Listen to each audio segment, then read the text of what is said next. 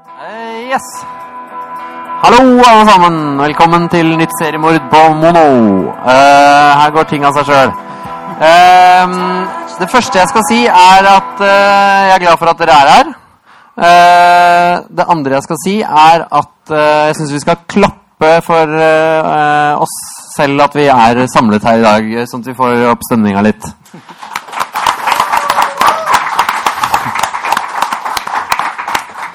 Ja, eh, seriemord, hva er det? Eh, Jeg heter Flu, eh, og er da liksom programleder på dette seriemordet, som er da en slags samtale om tegneserier. Som vi har hatt nå ti eller elleve ganger, litt vanskelig å telle. Og det er Oslo Comics Expo, som er tegneseriefestivalen i Oslo, som arrangerer. Denne gangen så har vi litt sånn temasending, og det er eh, to temaer som liksom skal beskues, og det er eh, sprint og Kjell Aukrust. Så det ser dere jo av den fine plakaten som Tore har eh, tegna til oss. Ehm, bare aller først, Oslo Comics Expo kan jo nevne datoen som er satt der. Det er 13. til 14. juni, så det er fortsatt eh, en god stund til. Så vi har seriemord for å slå i hjel litt eh, ventetid. Eh, Jeg skal si litt mer om festivalen etterpå. ja. Eh, Men vi har fått så fint eh, panel her i dag, og det er eh, Sigbjørn Lilleng, som er tegner. Hei. Hei, Sigbjørn. Hei. Du og jeg vi deler kontor i Fredensborgveien, Ja. så vi ser hverandre hver dag, men vi snakker ikke så mye til daglig. Nei, det er merkelig å se deg i en sånn annen sammenheng. Ja, rart. Ute blant andre mennesker. Ja, Eller, så, men det er på tide at vi, kan, vi får snakke ordentlig sammen, så derfor så inviterte jeg deg hit. ja, Uh, det er veldig hyggelig av deg. Bare hyggelig. Uh, Håkon Isaksen, mine damer og herrer. Uh, en eh, legende i tegneseriebransjen som jeg husker jeg så navnet til på mange tegneserieblader eh, som jeg leste da jeg var drittunge. Hva er egentlig jobben din, eh, Håkon? Det er jo å selge ting til drittungene. Ja, det er det fortsatt. Ja, jeg er redaktør I Egmont. i Egmont for tegneserier. For tegneserier. Der ser du. Flaks for oss. Tore Strand Olsen. Klapp for han òg, da. Eh, du er der i dag, Tore. Eh, litt fordi eh, jeg visste at du digger både sprint og, og eh, Kjell Aukrust, som vi skal snakke om. Eh, men du skal få også få lov til å si eh, eh, litt flere ting som du, av det du holder på med. For du har ikke tegna så mye de siste halvåra, har jeg skjønt? Nei, eh, med veldig lite egne ting. Eh, Jeg har jo holdt på eh, mye med tegneserieundervisning, så jeg har mye tegneseriekurs. Og så har vi eh, Ja, det er ikke jeg som driver det, men det er noe som heter Tegnekveld hver mandag på Serieteket. Og der er det hvem som helst kan komme og sitte og tegne og snakke om tegneserier og sånt noe. Så, eh, og til eh, neste år så skal vi ha gratis kurs i eh, fargelegging i Photoshop og, og InDesign. Så det blir i januar. Det blir 20. og 27. januar. Så ja, gratis kurs i det. Og det ja, serietegnere trenger, Det er en del amatører som trenger å lære seg hvordan man gjør det. Det er mange gode triks å lære. Carl Bryn og Cato Evensen de er jo noen av de beste Ja, ja, de i landet. ja, de har vært og hatt uh, tilsvarende kurs for uh, ja, Grafil eh, som arrangerte det, men det var hos, altså på Serieteket.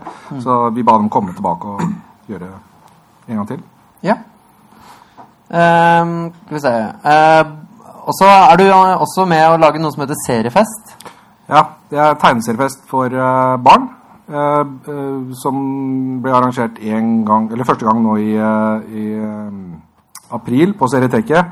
Det er som hel, hel helg med tegneseriefester for barn. Uh, og Neste år skal vi arrangere det igjen, og da på flere steder i landet. Først og fremst på bibliotek. da. Så vi, Det er uh, Serieteket og Norsk Tegneserieforum som samarbeider om å få til det. For å på en måte sette fokus på det at det er veldig lite norskproduserte tegneserier for barn. Så Det er liksom hovedmålsetningen. da. Så lage litt tegneseriemoro for barn. Fint. Skal vi se. Eh, nå skal jeg hoppe tilbake til eh, deg, Sigbjørn. Eh, kjapt, Ja. hva er det du holder på med om dagen? Jeg veit jo, for jeg sitter og ser på deg. Da, kan du forklare det. Nei. Eh, nå så driver jeg og jobber med apefjes nummer tre. Norges beste multikulturelle superheltserie. Som ingen har anerkjent den som, men det er jo det det er. Det er faktisk det det er. Eh, Og du jobber med tredje bind nå? det tredje bindet, ja. eh, som man får se litt av her nå. Det skal komme i høsten neste år. Så fremt jeg rekker å tegne det ferdig, da. Eh, Manus og allting er, er klart, men det, det, det tar litt til å tegne det. Du, har- du, forandret litt sånn stil uh, underveis. Nå blir det mer sånn dirt, dirty. Dirty. Ja, jeg ble så lei. Eh, Jeg begynte med det som relativt sånn eh, likt som, som det var i, i bok 1 og 2. Og så tenkte jeg bare at jeg, jeg begynte å kjede meg etter sånn tre-fire sider. Og så ble jeg litt sånn halvdeprimert og tenkte at nei, det her orker jeg ikke. Jeg orker ikke å sitte og tegne det på samme måten. Altså nesten 400 sider til sammen som alle ser like ut. Det, da, da brukte jeg noen måneder på å bare finne ut av hvordan jeg skal gjøre det annerledes. Så nå jobber jeg mye mer med blyant og blander liksom to forskjellige uttrykk der da, som eh, forhåpentligvis er synlig for alle og ikke bare for meg. At det, er, at det her er noe annet. Ja. Men den blir veldig tøff. Altså det, det er en veldig det er en utrolig spennende historie. Og jeg, Du går god for den selv. jeg går god for den. Altså, Sigbjørn er veldig produktiv. da Han sitter og jobber beinhardt, så det kan jeg vit- være vitnesbyrd på. Om. ja. Ehm, og så glemmer jeg alltid å si at eh, det går an å komme med spørsmål underveis. Så nå er det såpass oversiktlig gjeng her at det, det er bare å slenge opp en arm eller hyle, så skal jeg ta imot, vi tar imot spørsmål etter hvert hvis det er noe. Men eh, Ja. eh, noen eh, nyheter. Ehm, jeg nevnte datoen til OCX. eh, jeg skal ikke slippe det særlig mer i, i, gjestelister og sånn på det ennå, for det er vel ikke eh, alt som er helt klart. Men eh, jeg kan si at en ting som er nytt i år, årets festival, er at vi har et Og det er også Sigbjørn og jeg som er, har, eh, driver med. Eh, det er eh, noe som er, heter Bestillingsverk, som er et nytt eh, prosjekt i OCX. Og da har vi fått uh, ordna penger til å betale et menneske til å lage et bestillingsverk til OCX. Så poenget er jo litt å dra fram noen som er litt sånn glemt, eller som har eh, eh, ikke har lagd tegneserie på en stund, eller som av ulike årsaker da ikke, ikke er helt sånn i søkelyset. Så, så vi har, uh, i år så blir det den gamle sirkushesten uh, Valdemar Hepstein som uh, får slengt masse penger etter seg for å lage eh, en tegneserie til, eh, til eh, programavisa, eller ja, festivalavisa. Så det blir veldig kult å se hva han eh, skal lage for noe til oss. Så blir det også litt sånn fokus på han på festivalen, da. Men å følge med på nettsidene, da. ocx.no, så ser man hva som skjer der. Uh, uh, det er rart uh, Det yrket vi har. Tegneserietegner. Nå er jeg liksom ikke vant til å se andre kolleger bli gamle og falle fra. Men uh, s- eh, Solveig Muren Sanden, hun døde her forleden, og det er liksom Da skvatt jeg litt da jeg tenkte på det at Oi, blir vi gamle i dette yrket Og Hun har jo Og hun var jo ikke den første til å tegne smørbukk engang. Hun var jo måte, Det var jo en generasjon smørbukker før det. hun var den andre. Hun overtok etter Jens Ei Nilsen. Men hun tegnet jo i ja, husker ikke hvor mange år. 50 år eller noe sånt. Ja, Ja. veldig mange år. Både Smørbukk og Tusen. Se. Ja, så her er det noen uh, høydere fra Smørbukk. og Tuss og Troll, ja. Mm, norsk barneblad. Så Men hun ble nesten 100 år, så vi eh, serietegnere er sunne folk, så vi lever lenge. Mm. Ja, nå skal vi over på temaet, da. Sprint. Um, uh, nå er det lagt opp sånn at det er uh, Sprint er en eldgammel serie, har jeg skjønt. Så uh, la oss gå tilbake og se sånn på starten hvordan det hele oppsto. Ehm, uh, ja ehm, Her har vi den første sprinttegneren, Rob Well. Eh, eller hvordan man skal uttale det. Eh, men det begynte altså med bladet som het Spirå, og som var Hva var det egentlig? Jeg vet du, har, er det du som sitter på mest av den Nei, det, det, det, det begynte jo som et tegneserieblad, eller et barneblad med tegneserie, og hvor Spiro da ble liksom eh, maskotfiguren, eller de trengte en figur til å profilere bladet, og da en serie med den figuren. Så Robwell fikk jo da i oppdrag å lage noe ut fra dette konseptet. Mm, og da ble det selvfølgelig en pikkolo. Opp, oppdragstegning, rett og slett. Mm.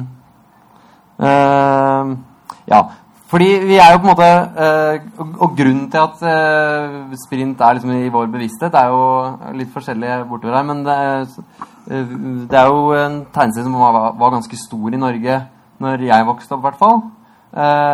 Og, og etter hvert skjønte jeg at det var, å ja, det er flere tegnere. Og, men det tok lang tid før jeg fikk vite at den gikk liksom tilbake til, til 1938.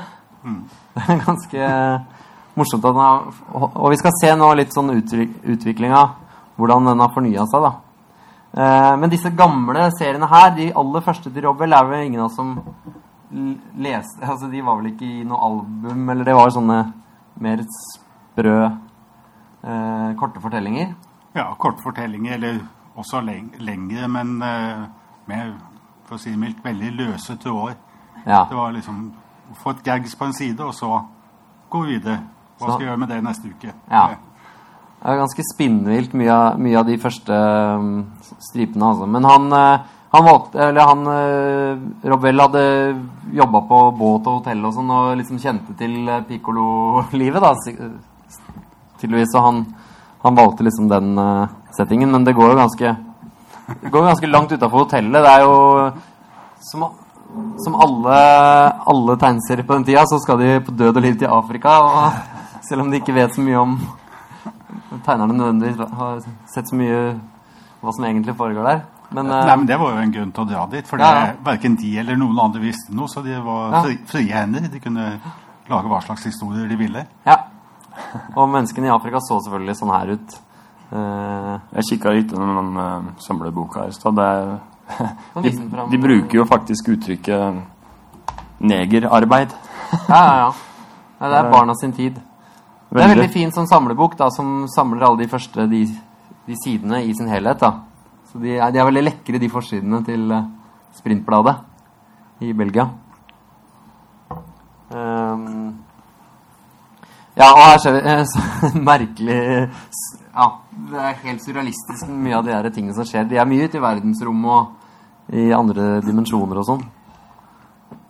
Men eh, det, det var litt det som var trenden den gangen, med sånn derre Ja, det var, ja, Tintin hadde vel holdt på en stund allerede. Det var jo sånne derre uh, unge, friske karer som skulle ut i og opp, oppleve eventyr. Enten i Afrika eller i Selv om tegneserier på forsiden av bladet det er veldig kult. Det er veldig uvanlig i Norge. ja, Rett på sak. Mm. mm. Spiro hadde jo det i veldig, veldig mange år. Det gamle Billy Blad hadde det. Der var det jo en stripe på forsiden forsida som var sånn ombrekt, eller hva det heter. ja. Etter eh, han Robwell, han eh, Han uh, tegna masse forskjellige andre ting. eh, og eh, eh, Ja. Fant jo på premisset på en måte. Men så var det eh, nestemann som skulle ta over, og det var denne karen her. Og da må dere hjelpe meg med å uttale, men han het egentlig Joseph Gillian. Gillan? Gillan, ikke sant? Og ble kalt GJ. Eh, og han eh, tok over sånn på starten av 40-tallet. Eh, og fant blant annet opp da eh, Ja, han tegna I starten tegna han nesten likt, eller han la seg helt opp til. Og så fikk han litt sånn sin egen stil Ja, etter hvert. utviklet eh, sin egen stil, og det var vel også han som eh, hva skal jeg si, samlet konseptet. Under Robwell så var det gikk i alle retninger, og hva skal jeg si, historiene gikk på innfallsmetoden. Ja. Mens Trichet var vel den som lagde et konsept av det, rett og slett. Og her ser vi faktisk første opptrinnet til eh, karakteren Kvikk, da, som, er, som jo blei eh, Sprints først, sånn faste sidekick. Um, og de er jo egentlig ganske sånn uh, typisk sånn uh, duo, da, med streite, streite, kjedelige sprint, og så en sånn litt uh, villstyring som kompis. Det er det man ser igjen i i, uh, i mange tegneserier. Men det vir- virka jo, på, basert på mitt veldig overfladiske gjennomblading av den der boka, som at uh, Sprint hadde litt mer sånn En litt sånn villere personlighet før. Ja, Mens nå er han jo veldig sånn uskyldig, snill gutt-type. ja at han uh, Og når Kvikk kommer inn i historiene, så, så gjør sikkert det at han må være mer streit, og så er det Ja. Kvikk som er sprø. Eh, gæren. det er ganske fine, de gamle GG-tegningene. Hva var egentlig ditt første møte med sprint? Husker du det, Tore? Ja, for meg så var det altså, kom relativt sent inn i det. For jeg, jeg hadde jo veldig forhold til Viggo, jeg, da. Så, så sprint det var jo Jeg ble veldig overraska. Jeg leste et sprintalbum, så plutselig var Viggo der. Så jeg lurte på hva dette var for noe. Så uh, det, det kom senere. Så jeg var litt sånn Jeg leste de eh, da Frank, eller Frank Winn, som eh, han selvfølgelig het. Eh, Ja. eh, albumene, og så kom jo, kom jo de Tom og Jean men de kommer jo til senere her, da. Ja, men det, men det er litt morsomt. Det er sånn det ofte er at man, man leser, og så skjønner man at det er en større verden, da, eller at man oppdager nye tegner og sånn. Ja visst. Så det var jo altså Det var jo da 40-50 års historie som man kunne grave i. Ja, ja. Og Håkon, øh, du endte opp med å jobbe med dette her. Hva kom først, holdt jeg på å si? Eller visste du om tegneserien først, eller fikk du slengt uh, Nei, jeg visste om tegneserien først. Jeg, jeg, si, så, jeg er jo såpass gammel at jeg var til stede når de fransk-belgiske albumene begynte å komme i Norge. Ja.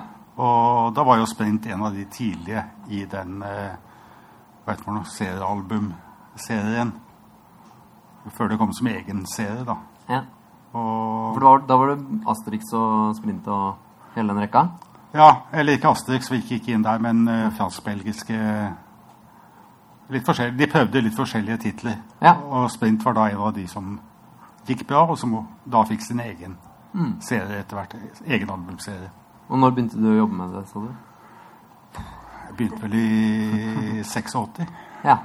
Husker, kan du, husker du noe uh, hva det var du Første oppgaven du fikk, eller hva det var du begynte å jobbe med? Det var Spring, Nei, det var eh, James Bond og Helgen.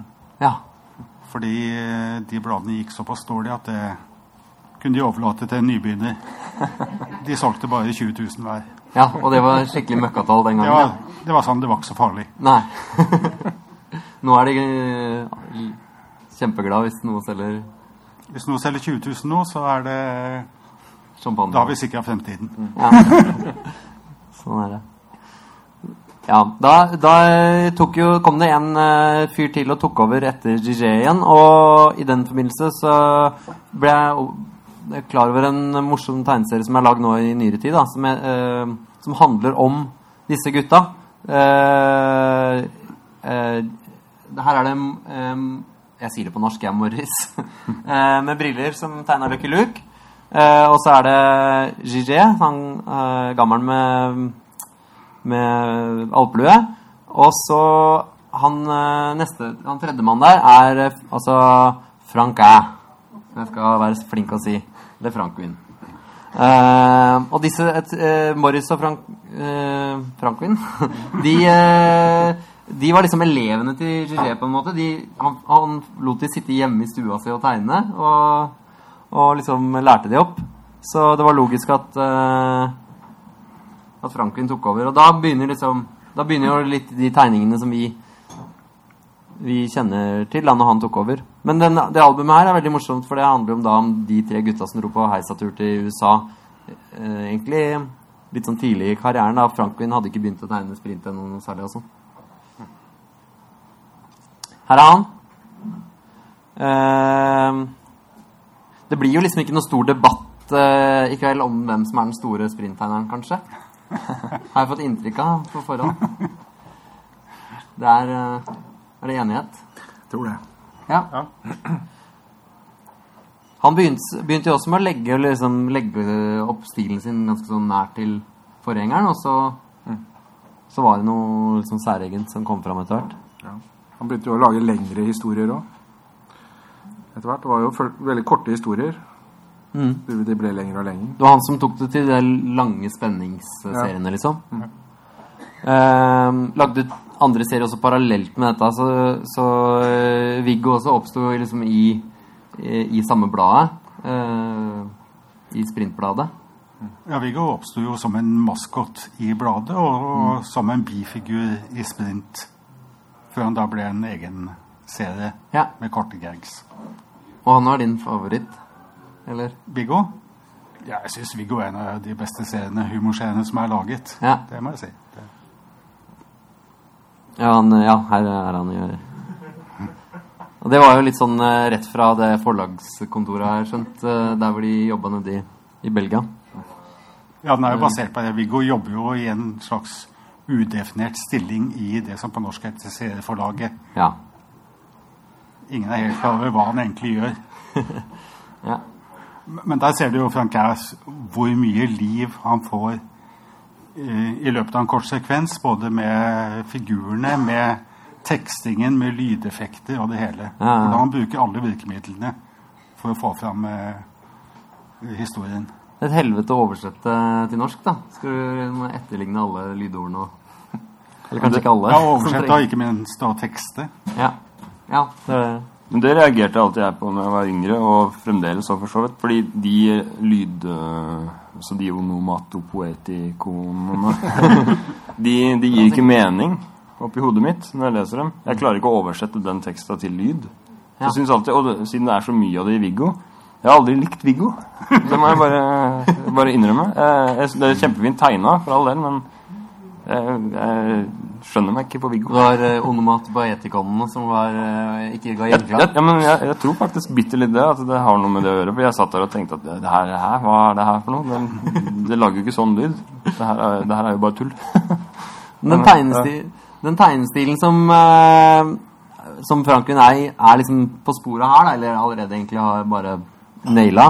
Eh, den fransk-belgiske Disse her eh, tegnerne og, og Morris som var vennen hans, ikke sant. Og, og de hang jo sammen. De var en liten gjeng, og det var liksom Det er helt vanvittig å tenke på tenk, altså, hva som foregikk der.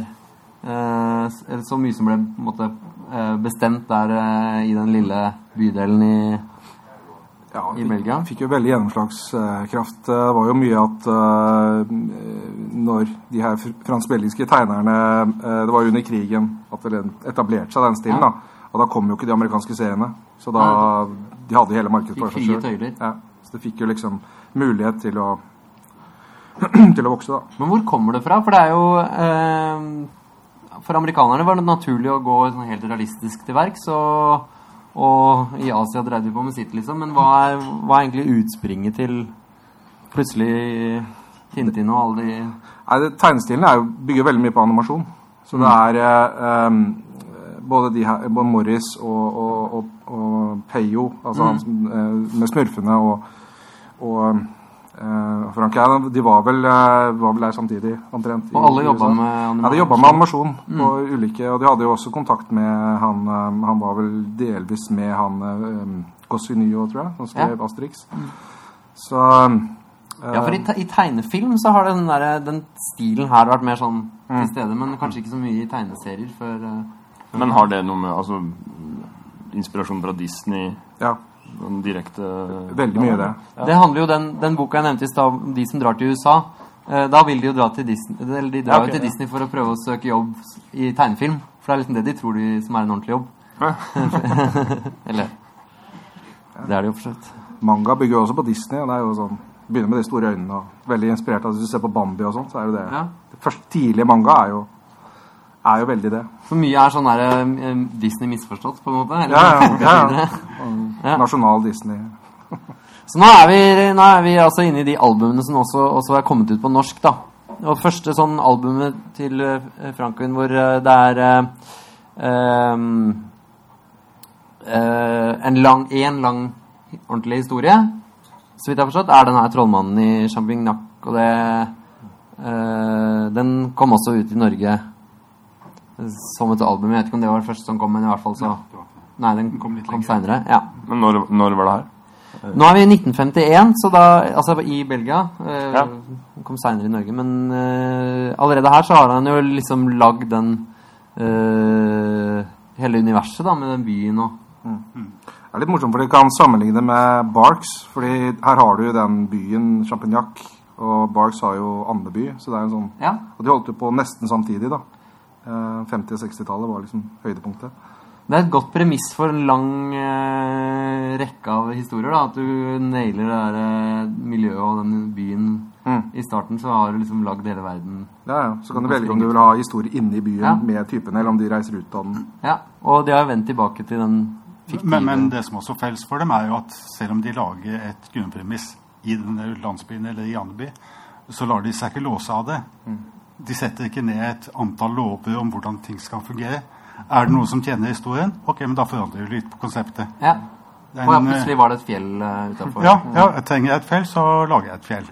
Men det, det jeg føler uh, den Champignac-byen eh, har som, som ikke er andre, at det føles mye mer realistisk. Eller det er, det er jo selvfølgelig mennesker istedenfor ender. Det, kan jo hende Det hjelper, det. Men, men det er jo og, og jeg satt på Biri i 1987 og leste om Altså, jeg følte at jeg var i Frankrike, selv om jeg ante ikke hva Eh, Men det er jo veldig særegent eh, altså, eller, eller Belgia, eller hvor det skal være. Det er veldig særegent eh, der og da. Det er, liksom, det er veldig, det er veldig eh, konkret hva det er, åssen type by det er, og hva de holder på med der. Og ja, veldig sånn Veldig fransk, da. Eller hva skal jeg si. Eller belgisk. Aldri skjønt forskjellen på Frankrike og Belgia. Hvem stjal Nei, skal vi se um, Kampen om arven, ja. Så, så her dukker eh, Her finner da Franken opp eh, han eh, Spiralis. Eh, eller Marsupilami, som heter. Vet ikke hva det sier. Eh, som også blir en gjenganger, da. Eh, og veldig sånn ikon. Eh, I Belgia så er det vel egne sånne nasjonaldager. eh, Spiralis. Det er litt irriterende tegneseriekarakter, spør du meg. Men Jeg syns han funker når han er i sprint. Eller når han er med i historien der, men det der egne Spiralis-heftet, det, det var jo ikke noe gøy. ja, for, eh, Franken tok med seg Spiralis eh, som en slags sånn pensjonsordning, så, Ja, eller både Spiralis og Viggo var hans Ja. figurer. mm, så de kunne han Mens beholde. Sprint ble jo eid av forlaget. Ja. Sånn at når han uh, sluttet med sprint og hva skal, gikk ut og skulle gjøre egne ting, så beholdt han de to figurene Mm. og gjorde noe ut fra det. Og lot egentlig andre lage Spiralis, da. Han lagde jo aldri noe egne Spiralis-album. Nei, ok, men han liksom Han li hersket over lisensi lisensierte den. Ja. Se.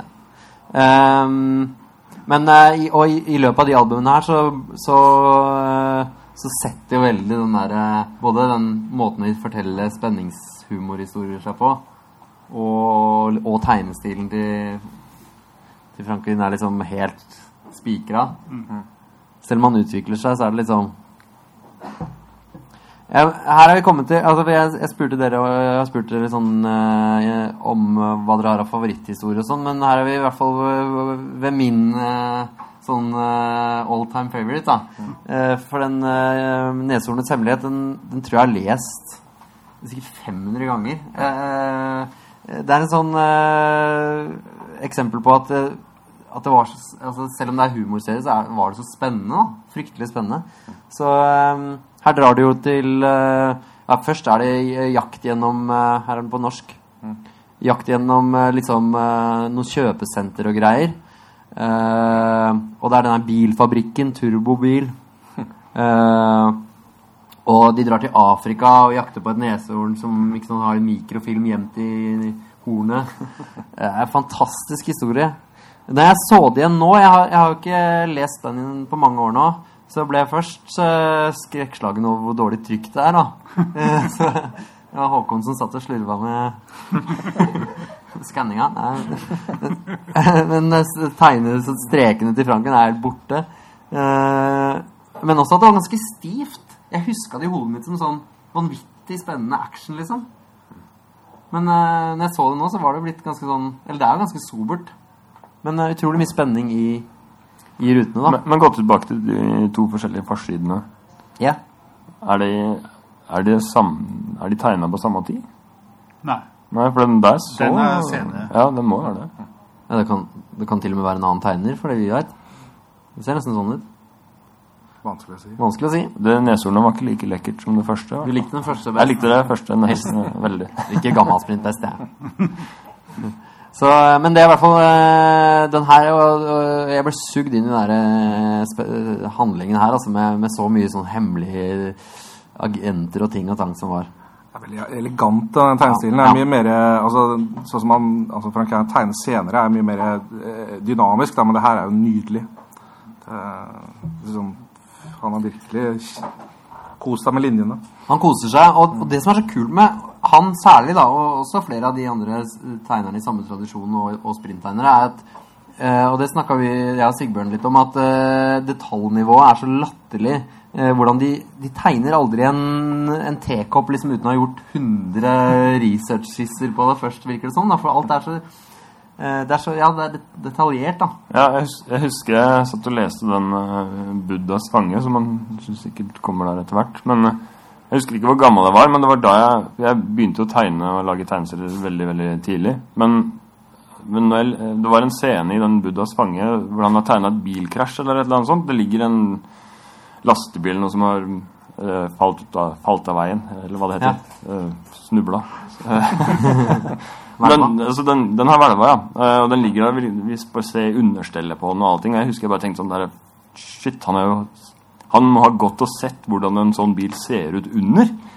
Og da, da jeg, ja, sånn, det var- det ok, går an å- ja, de, Da skjønte jeg hva research var. da Sånn det, går an å gå og se hvordan ting ser ut. ja, for Jeg hadde bare tegna ting sånn som jeg trodde ting Eller tenkte at ting så ut. Men sånn, ja, det er faktisk sånn en bil ser ut. Ja. Eller sånne greier har en bil under.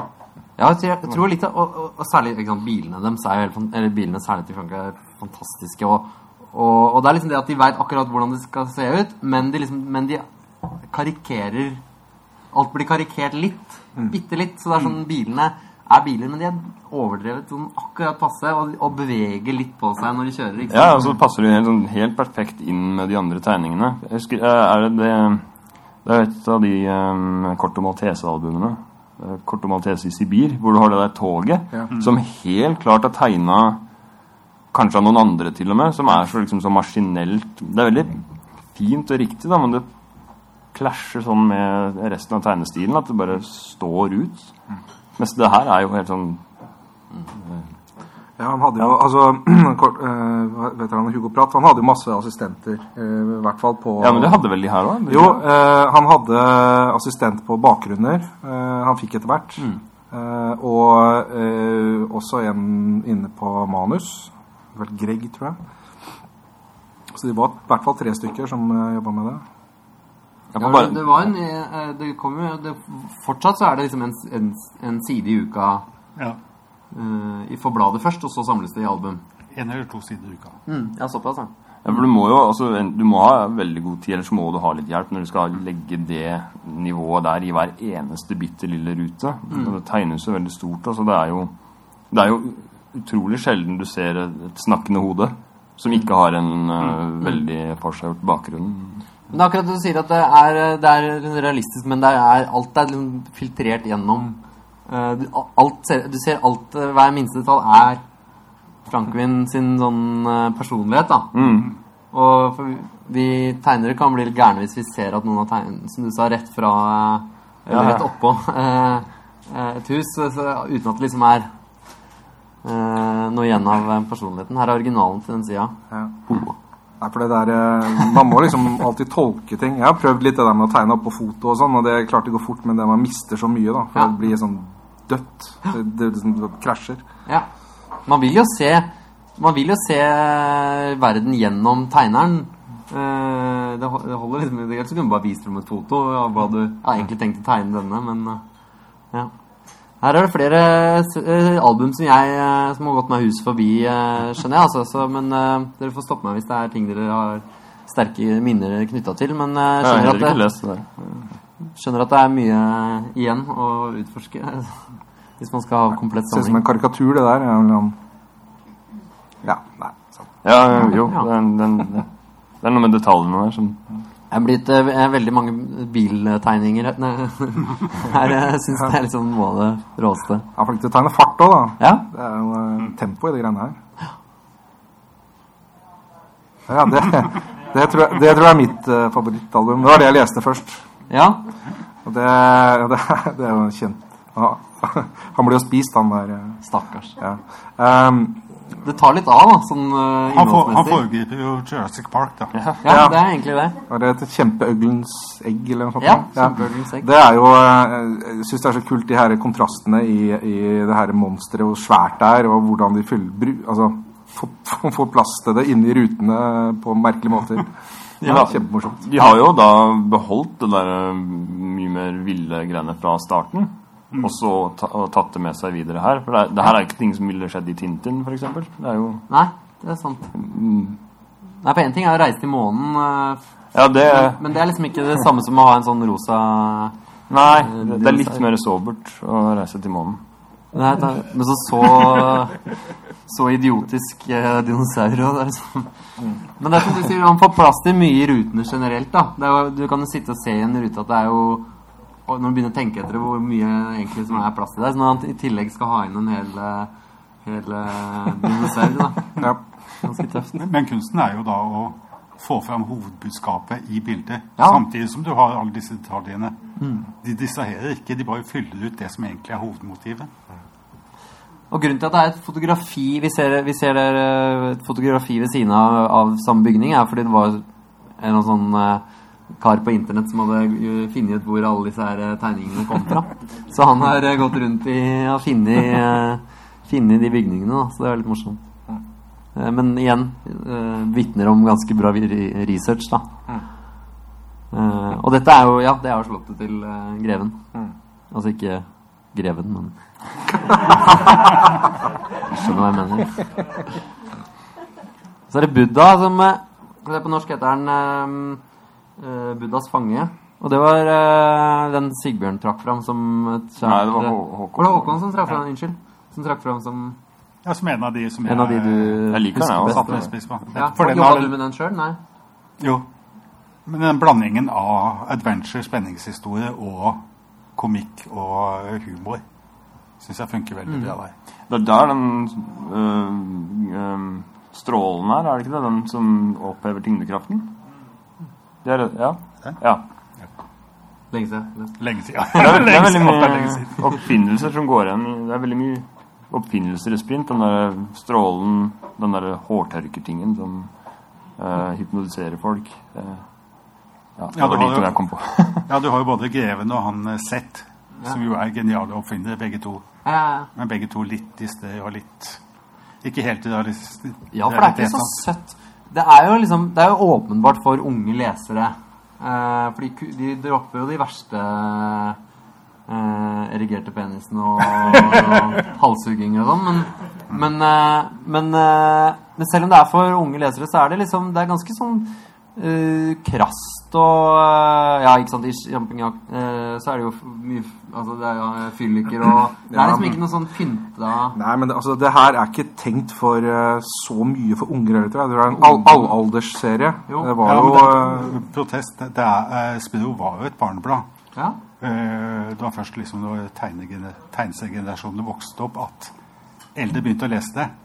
Det var for barn. Men de visste sikkert at det var mange voksne som leste det også, så de, de fikk jo Ja da, men de hadde litt friere rammer Ja. og litt annet syn på verden, og ikke hadde den Disney-renvaskede virkeligheten. Nei, hvor du de garanterer kunne- at uh, alle som er med i tegneserien, skal bruke setebelte når de kjører bil og sånn. Ja, og alle skal overleve, og alle skal Ja. bli snille til slutt, Ja. ikke sant? Det- Ja, for det er, Det er det som de- masse... Prøvde å ha det litt mer moro sjøl, da. De som Ja. sitter og tegner. Altså, det er, Det der er uh, sett og veldig sånn eh, eh, Egentlig føles det nesten som mange har prøvd å etterligne den skurken seinere. Jeg vet ikke. Altså, sprint det kan jeg jo si da, er, er jo nesten ikke kjent i USA, så vidt jeg kan forstå. For det er nesten ikke oversatt til engelsk i det hele tatt. Nei. Og det er litt pussig. Mulig jeg tar kjempefeil nå, men jeg leste et eller annet at det bare er ett Ja, album som er Jeg har også lest at det bare er ett album, og, og det er lagd animasjon, da. Eller tegne, det er lagd tegnefilmer som ser helt forferdelige ut. eh, men det er mulig de har gått eh, over Atlanteren, men eh, Ja. Nei, så det er jo litt sånn her, Men, men det er jo veldig få europeiske serier som har slått an i USA i det hele tatt. Ja. Særlig av de fransk-belgiske. Ja. Og det kan vel være litt sånn tilfeldigheter at den har havna her også, fordi det er jo veldig mange eh, tegneserier som, som vi aldri har lest på norsk. Eh, tross alt, så Men eh, nei, den er eh, Men i, i Norge og liksom 80- og 90-tallet så er det Ja, 70- og 90-tallet så er det liksom Den har vært, den har vært ganske sånn kraftig til stede, den tegneserien her, i butikkhyller og overalt. Så Ja da, liksom det, det, liksom, det kom jo som regel ett nytt album i året, og Ja. pluss reprinter. sånn at det var, var gjerne seks printalbum som kom ut i løpet av året. ikke sant? Så det var et helt annet, en helt annen frekvens. Men det kom, jeg, jeg, når jeg vokste opp, så leste jeg veldig mye andre mm, fransk-belgiske album som overhodet ikke har hatt den eh, stayerevnen som Sprint og Tintin har. Som de der mikrofolket og de derre eh, Hva heter det, de derre hestemenneskene? Hestekropp eh, Ja, kentaurene. Kenta, ja, sånn altså, Fordi de, de var jo veldig utrolig propt tegna og veldig bra laga og sånn, men de var ikke så veldig mye mer enn det, da. Nei, og de er, jo, de er jo veldig i den samme tradisjonen. da. Altså, de er jo gått på en måte den samme tegneskolen. Eller de har studert uh, særlig han eh, og Ja, ja. ser jo at det er Men det som er med den fransk-belgiske, den, den stilen her, er at når det er bra gjort, så fungerer det så utrolig bra, for det har både spenning og humor og alt i seg, liksom i streken. Men når det er eh, Eller skal så utrolig til for at det blir kjedelig og forutsigbart, da. Også, for det, det, ja, det er så mange Det er Ja. lagd fryktelig mange tegneserier i samme stil, bare at det er Du mangler den derre eh, snerten til eh, Frank Wilhelmsen, da. ja den personlighetstingen som du prata om i stad. At Ja. det er Altså, du ser Frank Hass sin personlighet filtrert gjennom noen andre enn, på et eller annet vis. Jeg vet ikke. Ja, Det er en sånn kvalitetsforskjeller. ja. Rett og slett. Men et umettelig marked der nede, da, virker det som. For det er jo fortsatt lages det i øh, øh, Gis det ut masse tegneserier i samme, litt i samme tradisjon. I, Men, men en ting jeg tenker på, det er det der med at, uh, altså at det ligner på, på og sånn. Det er jo en, egentlig en helt grei ting, for det, alle de som vi har snakka om hittil, både Frank og, og Gigi og alt det, de, de, de kopierer jo han som gikk kom før, og så finner de sin egen. Sånn at de her eh, nye folk, det er jo helt vanlig at man kopierer de som Ja, ja. kom, og så må man liksom gi litt tid til å utvikle seg. Så de har bare ikke, fått tid til å utvikle seg, da, de andre som ikke er like bra. ja. Uh, ja. Hvis vi går tilbake igjen til den eh, forrige den, Er det den historia hvor eh, Kvikk blir torturert QRN kaller. av han derre Ja, der er noen onde Ja, han, Ja, han som uh, skraper med gafler. Ja. Ja, den er, den er utrolig fin. Altså, når han tegner med kritt på tavla der, og så knekker han neglen sin. Ja, det er grusomt. Ja, den tegninga av han det er så Det er Ja, eh, ja samme her. At det bare, jeg, jeg tenker, noen ganger så bare dukker det bildet opp i hodet på meg. Da får jeg vondt i henda. Det er det som er så innmari kult med serier som går og går, da. Eh, og som du da ikke sant, eh, kjøper når det kommer et nytt album i, i butikkhylla. At du, du, du får minner til det selv. Eh, fra, Ja. altså, fra du leste det. Det er sånn der, Du har jo vært med på de der sprinthistoriene. Eh, som du mister litt eh, som nå når man kjøper en tjukk tegneserieroman og så leser den fra perm til perm. Eh, men dette her var liksom sånn eh, Ja, det var jo sånn fra måned til måned sånn, Eller sånn eh, Det er liksom spikra fast i vissheten fra barndommen. Men, og, og jeg har vært rundt i klasserommet og på sånn skolebesøk og da og, og fortelle litt om åssen tegneserier jeg leste da jeg var liten. Og de har hørt om Asterix og de har hørt om Lucky Luke, eh, faktisk. På grunn av at Dalton-brødrene går på barne-TV. Men, eh, eh, og Donald. Men, de, men Sprint da, det har forsvunnet fra bevisstheten deres. Så den eh, Jeg vet ikke om det, det gis nesten ikke Eller det er sjelden det dukker opp eh, kanskje nå. Jeg, Nye- I hvert fall så Det går vel eh, et år, halvannet mellom hvert nye Ja. sprintalbum. Men de kommer jo fortsatt. Men de kommer ikke ut her til lands? Jo. Gjør de det? Ah, ja. kommer Alle nye sprintalbum kommer ut. Unnskyld meg.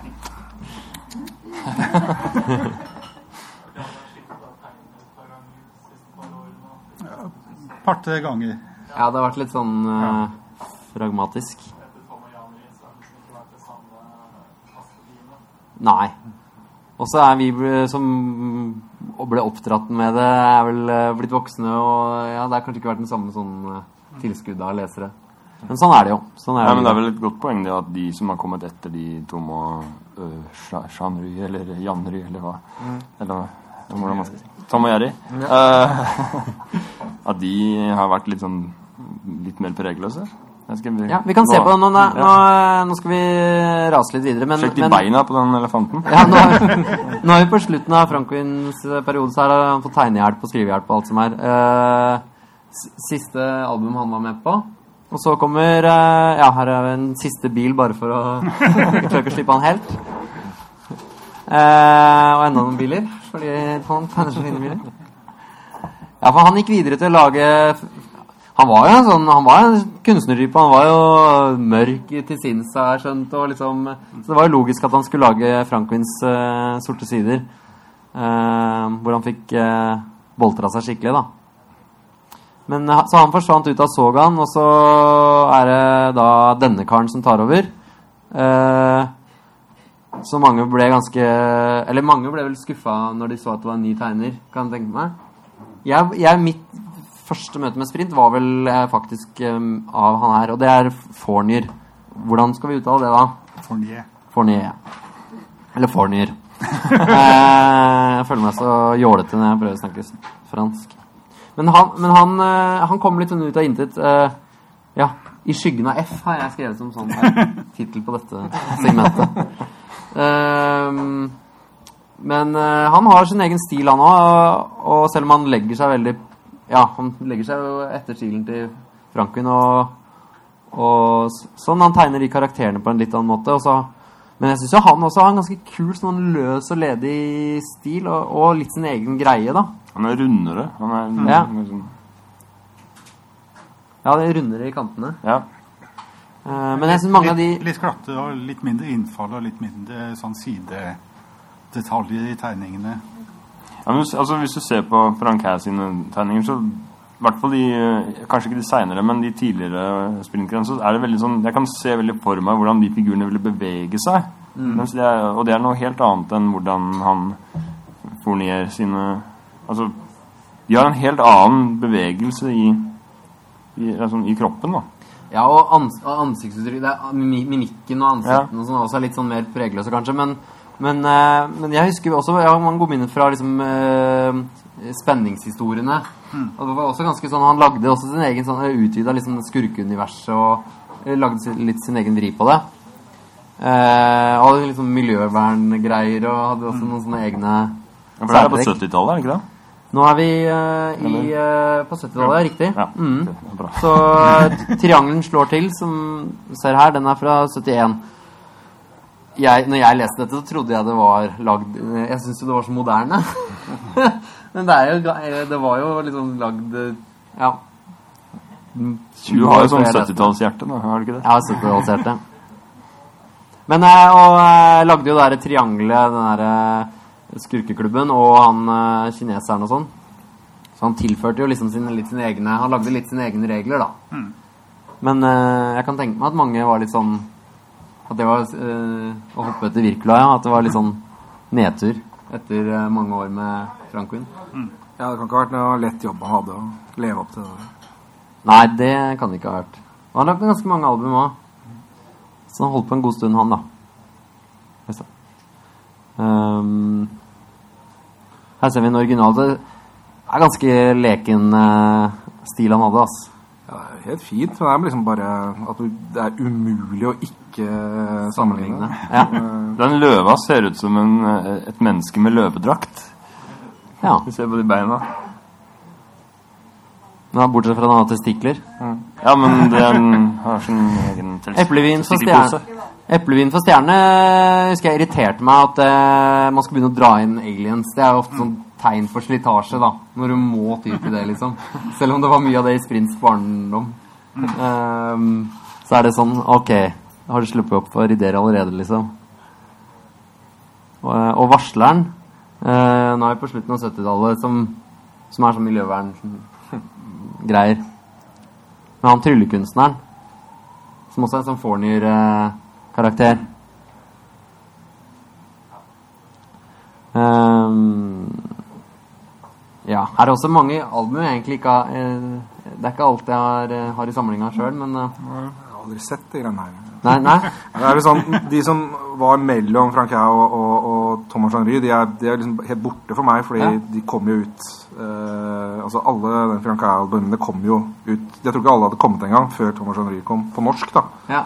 Så det her er liksom bare kommet for helt spesielt interesserte senere. liksom Så det er inntrykket jeg har. da Men de ble vel gitt ut. Du kvikna litt til når, når Tom January kom, Ja. January kom Ja. inn igjen? Ja. Ja, eller kom inn, ja. Og så var det en kort periode med Nikken eh, K- eh, Kavan? Kom. Kova. Eh, og eh, de ga ut eh, bare tre album, og det var ikke noe godt mottatt. Nei. Den ene av dem husker jeg som den derre som handler om den dingsen som gjør at ting ikke lager lyd. Ja, den har vi her, skal vi se. Uh, den ja, tingen den, der, ja, ja. den, husker, den likte jeg ganske godt. Uh, Det er lenge siden jeg leste den, så kan det godt være at den ikke holder mål nå, men den Men tegningene begynner å nærme seg sånn smurfenivå. Eller? Ja, den var veldig var ikke ja. noe ord om smurfen? Nei, ikke noe vondt om smurfen. Mye vondt om smurfen. Skal ikke erte venner. Men de var i hvert fall, det var på en måte en fiasko, da, så de, de ga seg etter eh, tre album. Eh, de har tegna Blåjakken og sånt nå, de gutta der. Ja, som også er en serie som har gått veldig godt i Norge. Ja. Som er en god- ålreit god serie. Ålreit, ja. Skal jeg være med på. Jeg leste den, det gjorde jeg. Eh, Den husker jeg at jeg gadd ikke å lese. Fordi pappa hadde den i Ja. men jeg tenkte nei, nei. Hvorfor lese den? Man kunne lese Lucky Luke og Asterix og Ja, ja, det var akkurat det jeg tenkte. Ja. Dette her var ikke Ja. helt det samme. Ja, jeg vet ikke, Vi kjøpte aldri, bare havna hjemme hos oss av en eller annen grunn. Blåjakken alltid. Mystisk. Sikkert, sikkert foreldrene skulle trodde det var Lucky Luke eller noe, så kjøpte det feil. Eh, så skjedde det noe eh, som var litt bra for serien. da En, en innsprøytning, og det var Tom January. Eh, som slo til, som debuterte liksom et smell med en virus. eh, som på norsk av en eller annen grunn har fått virus utropstegn. Er den oversatt med? Jeg vet ikke hvorfor de Håkon? Utropstegn er alltid bra. Utropstegn er alltid bra. Selger mer. Eh, men på belgisk heter den i hvert fall virus uten utropstegn. Eh, men det var jo eh, og, det, og selv om jeg i starten ikke var så bevisst på, på hvem som tegna hva og sånn, så skjønte jeg jo sto, Det var jo De lyste jo opp litt, de der Tom and Jennery-albumene, da. Hva kjennetegner eh, dem, syns du? Det er jo litt mer eh, Altså Veldig slick, på en måte. Um, og litt sånn eh, eh, Ja, hva skal jeg si? Ja, men de er glattere. altså, Tegningene er glattere. De har den der svetteeffekten og sånn. Den er, men den er veldig uh, typisk dem. Og så er det kanskje litt lagt litt mer i fargelegging også. At, at det, det, det skulle være litt mer sånn tredimensjonalt. og sånn, At det føltes litt sånn moderne. Det her trodde jeg i hvert fall altså, se, Virus 1984. Jeg leste det ikke i 1984. Jeg leste det mange år seinere, og jeg trodde det var eh, Det var helt supermoderne nytt. For det var så Ja, jeg syns fortsatt det ser eh, Ser liksom eh, veldig moderne ut. Eller på en Ja, men det, ja, men det gjør det. Det er jo altså, som du sier, det, Fargelegginga er jo veldig sånn i retning av sånn filmestetikk. Men det er, det er både moderne og datert på samme tid. Eh, tenker jeg. Altså fordi eh, Det Frank Hassing og greier er mye mer sånn tidløst enn det her. Det her er mye mer sånn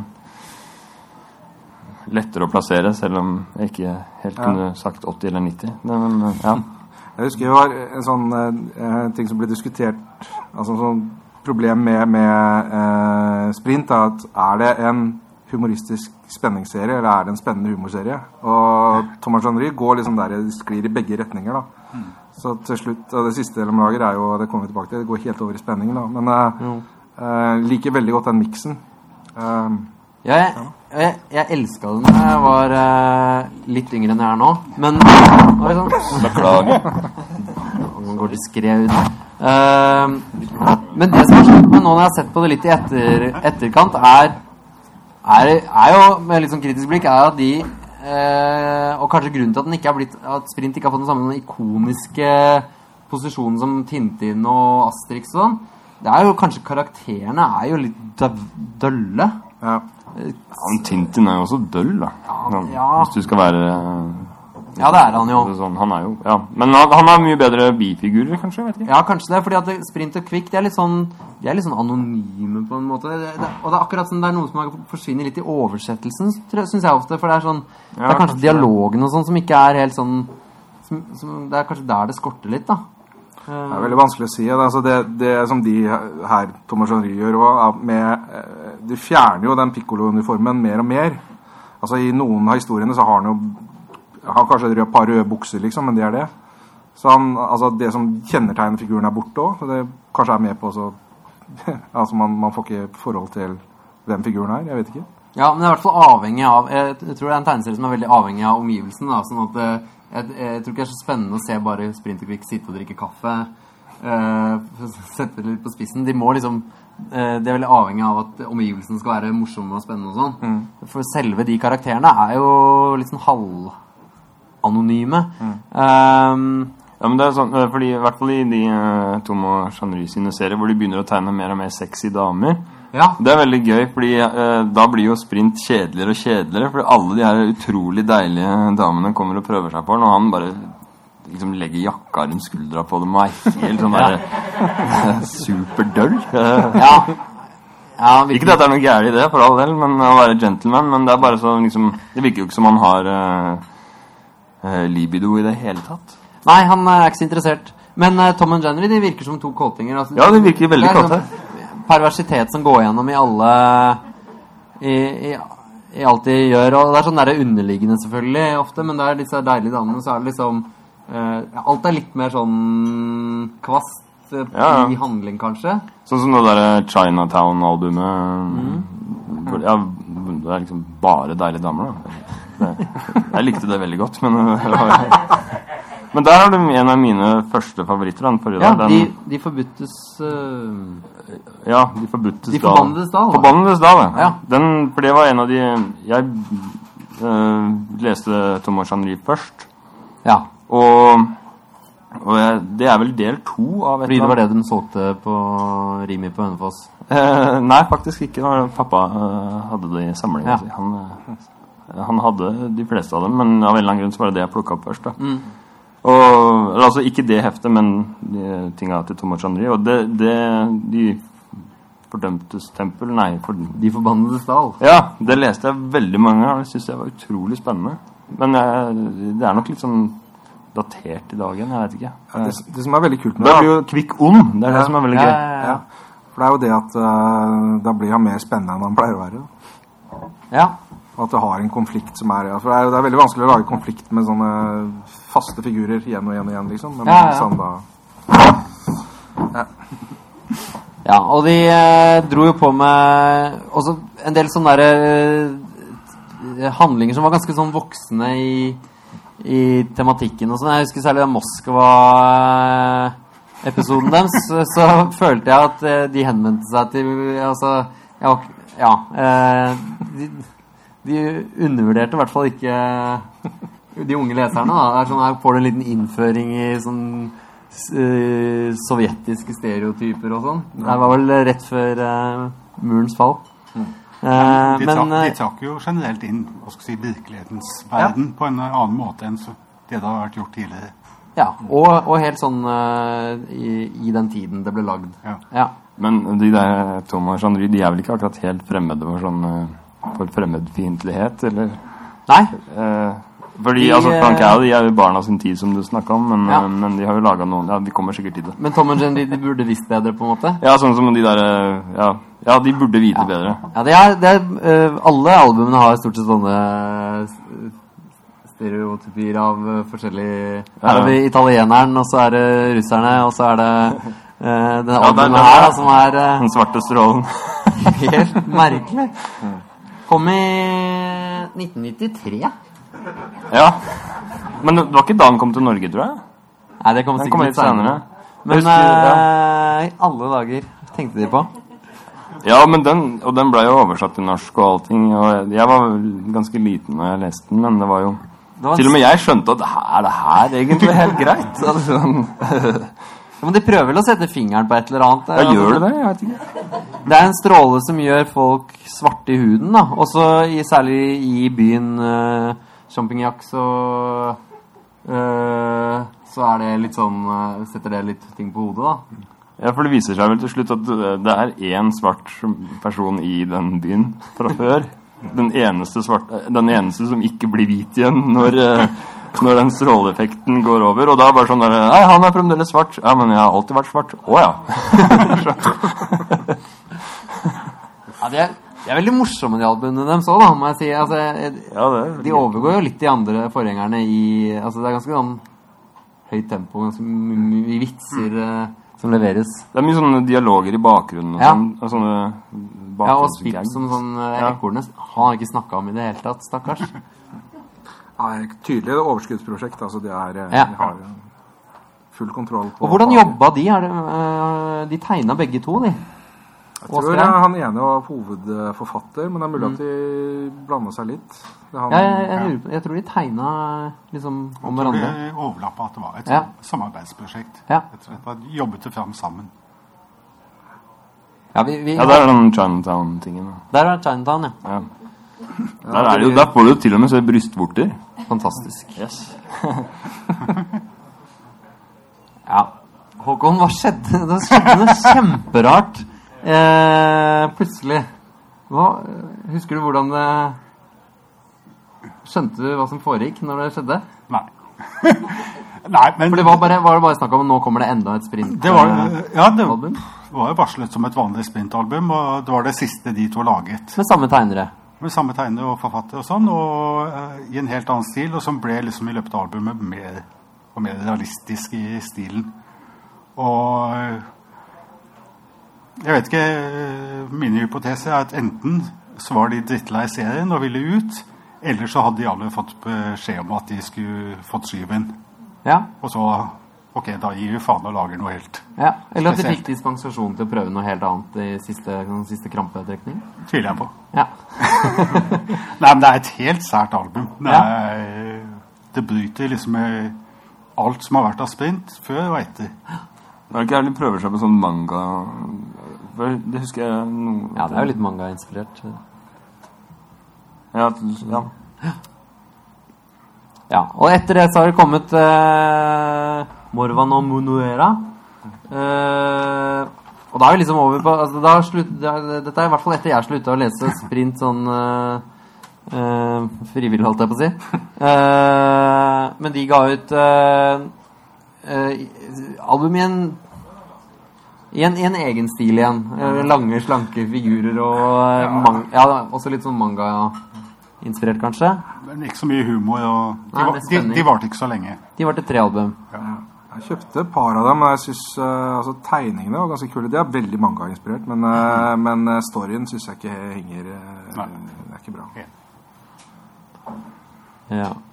Skal vi se Ehm, Ja, og så er det Johan og Wellmann, som er dagens tegnere, som holder på fortsatt. Ja. Og de, de tok over i 2010. Eh, og dette kommer ut fortsatt i- Ja, på norsk. det, det kommer på norsk fortløpende. Ehm, Og og Hvor, hvor, hvor kjøper du de? jeg har ikke sett Det er ikke det som, som pleide å gå og komme i På Rimi.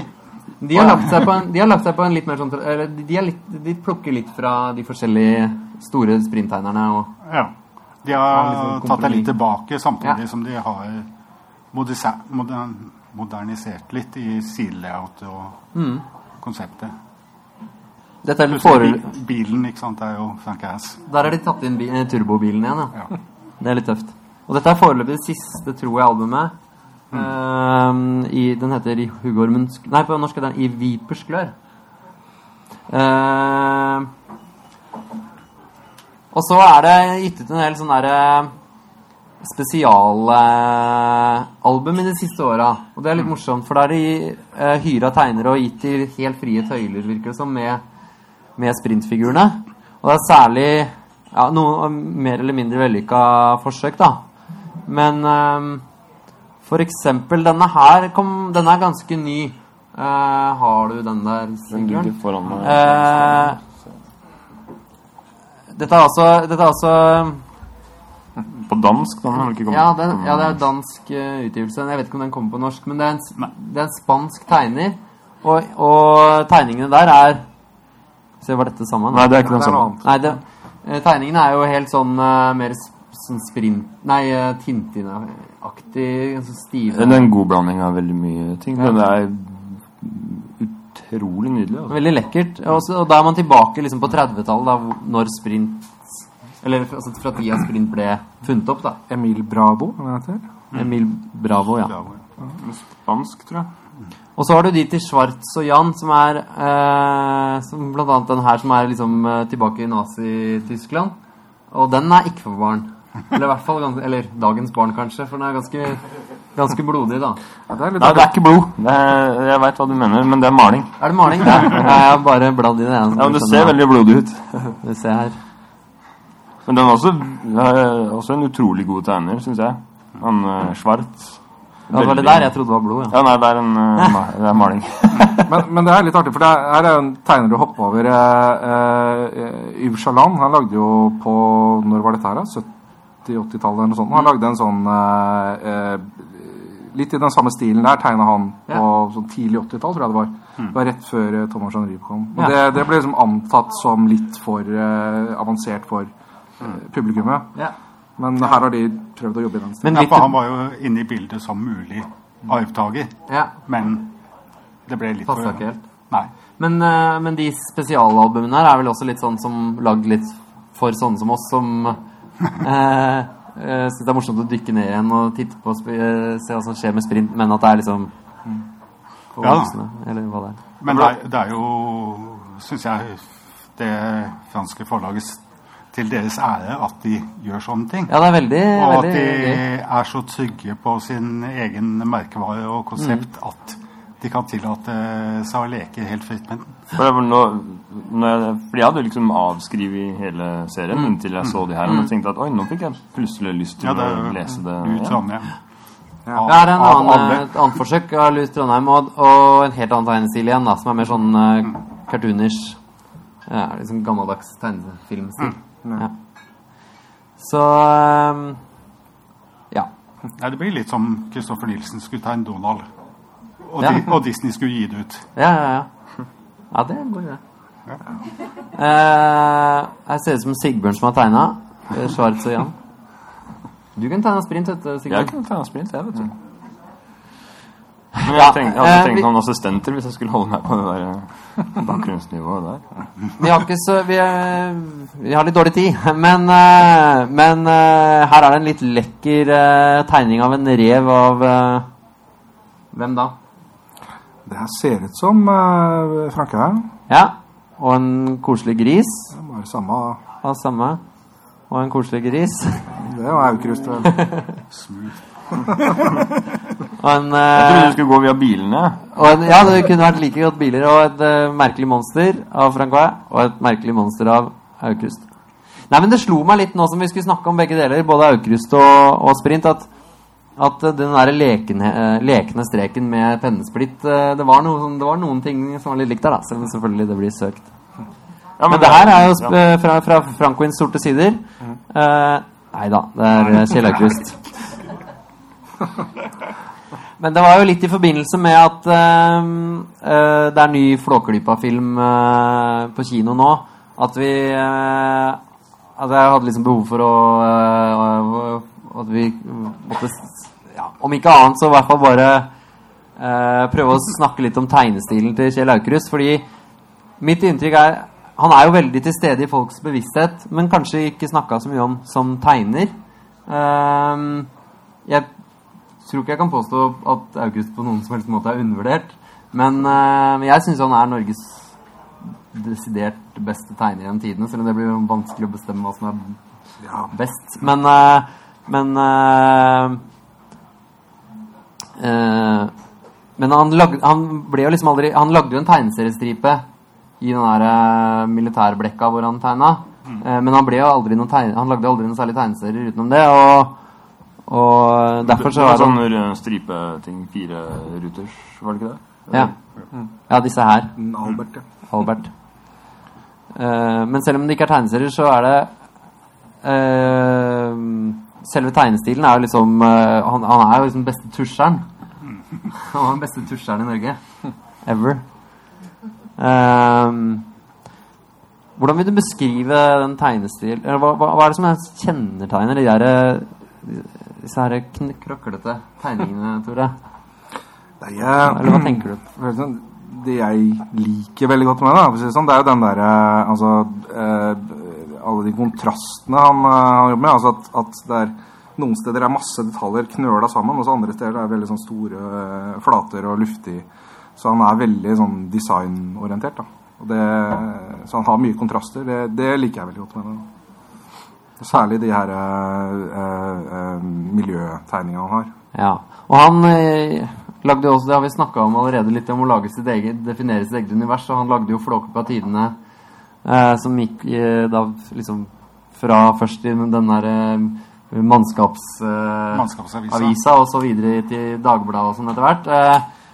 Og Vi Menn, vel. Vi menn var det. Og hvor han lagde, fant på hele det der universet med alle de karakterene. Og det er jo kjent, veldig kjent for folk. Og, eh, og sånn, men det er øh, Det er alle de derre øh, Ja, det er blandinga det, det, er humoren som er i streken igjen, da. Sånn som vi snakka om med Frankwin. At, at det kunne ikke vært tegna av noen andre. Og, og selv om han ofte Kjell Aukrust ofte har tekst, mye tekst til tegningene i Flåklypa Tiden og sånn, så er det egentlig Altså tegningene all, all den satiren og all humoren han byr på, er egentlig lagra i tegningene, liksom.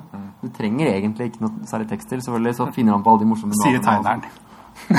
Jo, jo. Jeg vil påstå at teksten er en uh, essensiell del av Aukrusts verk.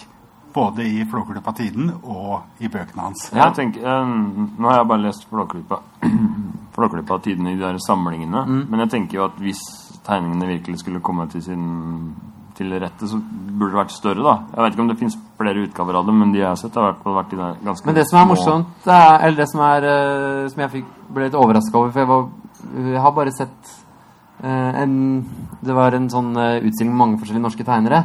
Og der hang det to bitte små Kjell Aukrust-tegninger, og de er, han tegna jo så smått, da. Og Det overraska meg litt, men det forklarer jo også en del av Hvor store da? Nei, som postkort, liksom. Én til én. Oi. Så det var nok litt av forklaringen. Til og med på det detaljnivået som den Ja. eh. Men han eh, brukte vel en tynn liten splitt og satt og koste seg. Ja, det er jo det som, det er sånn overskuddstegninger. Det er overskudd. At det her sitter han og koser seg. Overskudd, galskap og sånn Hva heter det? Sånn steampunk? Sånn det er den derre merkelig retro Men, ja, For det er veldig mye nostalgi i det òg, og det er veldig, veldig sånn ja, Grunnen til at han har blitt sånn nasjonalhelt, er jo litt derfor han har, han har liksom eh, satt fingeren veldig på eh, ting som er veldig typisk norsk. Jeg, jeg sa til Sigbjørn her om dagen Jeg kom inn på kontoret og hadde kledd meg for jeg skulle sykle gjennom snøen og hadde liksom på meg fem lag med lange underbukser og alt som var. Man klarer ikke å se kul ut. Man blir liksom bare en sånn norsk nisse uansett. Uh, og det, følte, det så ut som en sånn Kjell Aukrust-figur med skjerm. Det er noe med det der det keitete norske da, Ja. som er veldig i tegningene. Han er nesten erobra, blitt et sånt begrep. ikke sant? Sånn Ja. Aukrust-aktig. Altså Ordet Aukrust har altså alltid vært der. Eh, når jeg gikk og skulle lære å tegne, og sånn, så fikk jeg høre at nå er det litt sånn Aukrust-aktig. Ja. Eh, ikke sant? Som fyren har blitt et begrep. Og det er litt, litt den lø... lø ehm, det ser nesten, han det ser nesten ikke ut som det er skissa på en måte. For det, eller det er i hvert fall veldig sånn Streken er veldig løs. Eller sånn, Litt sånn blindtegningaktig. At du, at du nesten ikke ser på arket når du tegner. ikke sant? At, det, at, at hånda bare går sin gang. Og litt skjelven, Ja, ja. men detaljert. Eh, alt ser ut som det er tegna av en gammel gubbe. Ja, ja. Eh, Men jeg tror, jeg tror det er noe du sier at han er liksom, litt sånn underkjent som tegner. For jeg har aldri Man hører jo alltid liksom at det er en Norge- sitter og sier at skriften av teksten hans Ja, ja, men altså det at han er, har liksom den statusen han har i Norge, da. Men jeg har aldri hørt tegningene bli dratt fram. Nei, altså, at, at det at det liksom sånn, sånn, eh, eksplisitt blir sagt at han er eh, en av Norges beste tegner, eller en av de beste tegnerne i Norge, det, det, har, det har ikke jeg lest, i hvert fall. Men eh, Nei, men tegning, Man kan kanskje si at tegning som kunstform er generelt altså det, er, det faller litt mellom alle stoler. For det at eh, eh, Ja. kunstnere er ikke så opptatt av det. og ikke sant, Det blir fort en sånn ja, for tegninger er jo ofte skisser ja, Her sitter vi og er annet. bitre tegnere. Ja, vi er, ja. Det er sånn det skal være. Hva er det du elsker med Kjell Aukrust, da? Kan du, s- s- som, Teksten. Ja, ja, det er særlig det som appellerer hos deg? Nei da, men, men eh, klart teksten uh, syns jeg eh, begynte å Hva skal jeg si Ja, bare gå inn i Aukrust var veldig viktig, for det er den som bærer poengene, og så kommer tegningen som en sånn utdyping og, eh, som gjør at det slår. Det er klart jeg kunne sett tegningen helt alene og likevel blitt begeistret. Jo. Men jeg begynte jo som August leser. Ja, nei, men det blir jo litt som tegneserier, da. Når man snakker om eh, det at de Ja, det er henger, det vanskelig henger å skille det, Ja. for det i hele hans si, karriere eh, Eller han begynte jo som illustratør, men fra han begynte å skrive ting selv, så har det jo hengt sammen hele veien. Men det er, det er morsomt, for det er, du kan se en liten flik av det, og det er ingen andre i hele verden Altså, alle mennesker i verden har tilgang til pennesplitt i alle år, men det er liksom det er ingen som tegner sånn, da. Det er eh, Det syns jeg liksom er litt sånn magisk med det. Ja, men kan, altså, det er ganske utrolig da at hvis, altså, hvis man tar det som uh, at teksten er det viktigste, at en som er så god til å skrive, kan tegne så bra. Men jeg mener det omvendt, da. Men, uh, Han Jo. som tegner. Det er det Ja. Krokryggen gamlehjem er med, en av mine favorittmiljøer, liksom, eh, da, hvor det er de som Og de skriver leserinnlegg til uh, avisen og Ja, nei, de karakterene er bare helt vidunderlige, mange av dem, ass. Uh, um, og selvfølgelig alle oppfinnelsene. Du, du ble kjent med det først i, som illustratør i, Som til eventyr? illustratør eventyr. Asbjørnsen og Moe. Ja. samling som ble gitt ut på 50-tallet. Og ja, hvor jeg da festet meg tegningene tegningene som noe annet enn Kittelsen og Wernskjold og Ja, disse tradisjonelle. Ja, Men Hvis du går litt tilbake der ja. Skal vi se. eh, den, ja. Uh, Hvis du sammenligner den med hans scene, se hvor mange streker han brukte der, hvor mange Han hadde ikke stilen helt inne. Mm.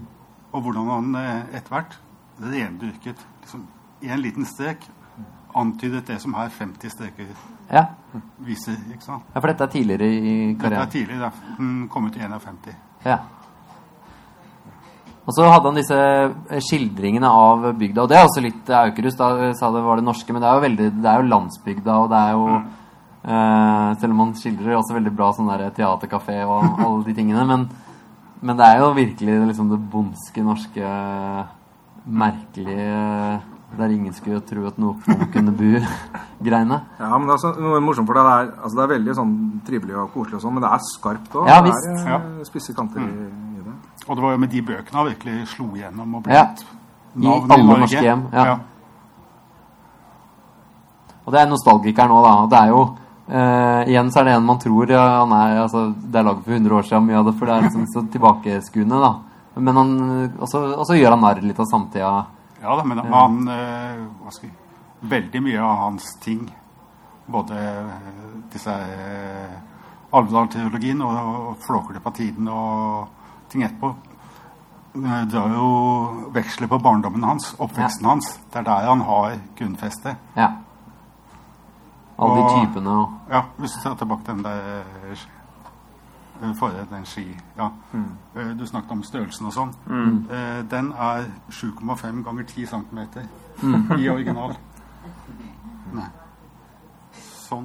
Det er sikkert også med å prege uttrykket hans litt. At han, hvis det er sånn at uh, alt han gjorde, var sånn knøttetegning. Ja. Ja, men det, er, det er uansett bra gjort å, å, å jobbe så mye med, med skravering. Og ikke, altså fordi skravering er vanskeligere enn det det ser ut til. Fordi det blir så fort dødt og overlessa. Og du, hvis du ikke stopper i tide, så dreper du alt, liksom. Ja, ja. Det,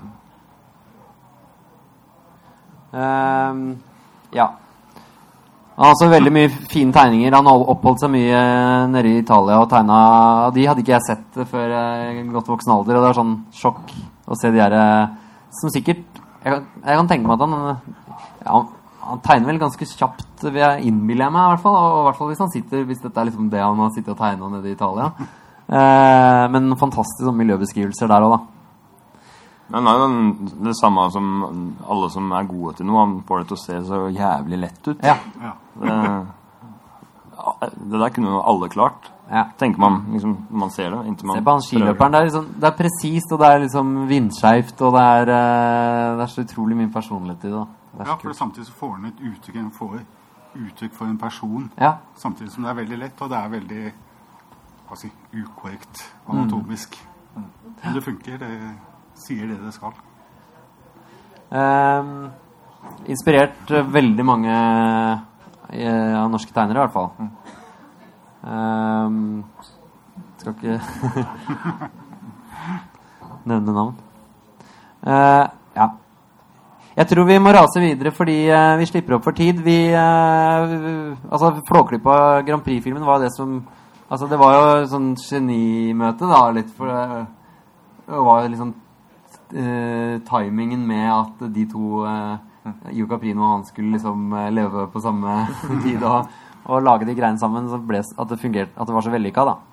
Eh, eh, så eh, det har vært gjort forskjellige forsøk på liksom å adoptere det til film. Her er Gurin med reverumpa tegnefilmen, og så er det da den siste ehm, eh, dokkefilmen som, er lag, som nå går på kino, og som vi vel alle var og vært og sett. Og, eh, jeg var veldig glad i beskrivelsene rundt eh, Flåklypa Tidene. Da, selve avisredaksjonen syns jeg var vellykket der. Eh, kort eh, to kommentarer om eh, hva dere syns om den siste Flåklypa-filmen. Nei, jeg er enig med Sigbjørn sa i stad. Det er, litt, uh, er ikke rart den avisa går dårlig når det er bare fire innbyggere i uh, Var det folketomt i Ja, filmen? det var lite folk. Hva er det noe positivt Men, du eh, vil trekke fram? Ja, ja. Nei, det var veldig, jeg likte den veldig godt. Det var, altså, typene var veldig gode, og scenene var veldig gode. Altså, Ja. De fikk det til å Tonen i filmen til å funke.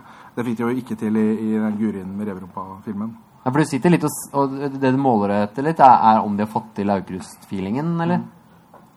Ja, altså den tonen, den humoren. Ja. Han har en sånn veldig helt egen tone. Eh, Jeg, jeg prøvde på et tidspunkt å lage en sånn Aukrust-serier basert på de her bøkene, de her Solan-bøkene. Ja. Uh, fikk det ikke til, da. Har du hørt noe så dumt, Håkon? Lage tegneserie av Flåklypa? Ja, det er høres ut som galskap. skam. Det er skam. jeg er litt flau, da. Vil dere si noe om filmen uh, kjapt? Ja, jeg, jeg syns den starta veldig bra. Jeg syns den var utrolig flott laga. Jeg likte, til dels så likte jeg figurene i den her bedre enn i Flåklypa Grand Prix, men jeg kan ikke fatte at de gikk for den historia der.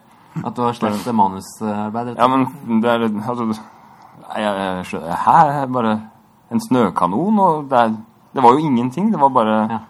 Nei. Undervurdert litt eh, å få en god historie. Jeg, skjønner, jeg, jeg kan bare ikke fatte at de har brukt så utrolig mye penger. Jeg veit ikke hvor mye det har kosta, men det må jo ha vært svindyrt. Vi Og det manuset der. vi har snakka Sigbjørn, om å starte en konsulenttjeneste som skal hete, som skal hete 'Ikke gjør det'. Ikke gjør det. Og der er eh, hvor vi leies inn tidlig i prosesser og blir lagt fram med at vi store prosjekter som man skal sette i gang, og skal vi sitte der og si 'ikke gjør det'. Ja, ja, men altså bare sånn øh, Jeg er jo egentlig ferdig med min Men jeg Det overrasker meg veldig, da. At, at en julefilm, det var feil nummer én, syns jeg. Og så var det den derre utrolig tynne historia, da. At det De burde gjort uh, Lagd et annet manus. Men den var utrolig flott laga. Altså. Kjempefin. Håkon, kjapt. Jeg er enig med Tore at eh, hva skal jeg, si, scenografien og figurene Ja. det fungerte. Historien fungerte Det veldig dårlig. pen å se på.